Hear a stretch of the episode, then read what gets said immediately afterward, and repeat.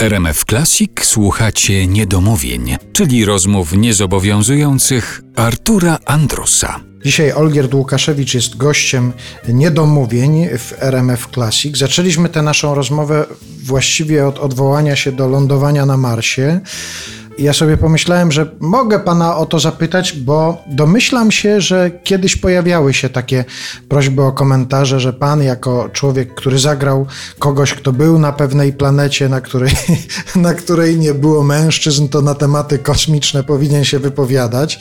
A właśnie, po seksmisji były na przykład takie propozycje, żeby pan się wypowiadał na temat kobiet, jako znawca kobiet, bo wystąpił w filmie Seksmisja? No, początkowo takie były prowokacje aplikacje kierowane pod moim adresem.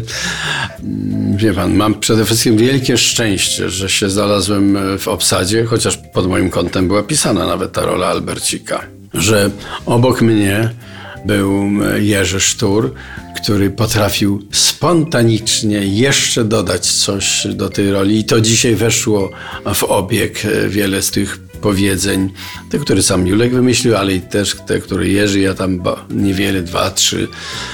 Więc trochę tak wsiadłem do takiego tramwaju, który mnie zawiózł nieoczekiwanie na ten przystanek.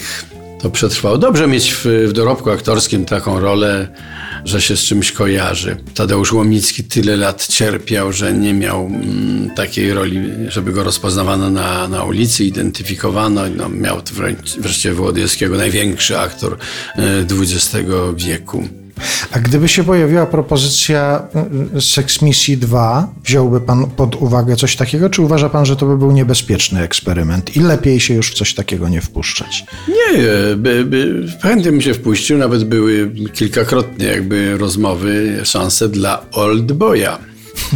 E, więc y, z całą autoironią to cenna zabawa w ogóle ta tylekroć cytowana seksmisja i w poważnych felietonach i w wiadomościach, no mi miło. Odniosę się do jeszcze jednego wywiadu prasowego, na który trafiłem. To była rozmowa, która miała miejsce w Katowicach. Chodził pan z dziennikarką po mieście, po Katowicach, pokazując różne miejsca związane z dzieciństwem i między innymi wspomniał pan wtedy o tym, jak to jako dziesięciolatek biegał na pocztę po znaczki, że zbierał pan znaczki. I zastanawiam się, czy teraz przy tym swoim temperamencie, przy potrzebie działania, ma pan jakieś takie wyciszające hobby? Czy nadal pan zbiera znaczki, czy może pan coś wykleja z zapałem? Zbieranie znaczków w dzieciństwie wcale nie było uspokajające. Przede wszystkim trzeba było pojechać autobusem daleko do centrum Katowic, na ulicę Wieczorka bo wówczas.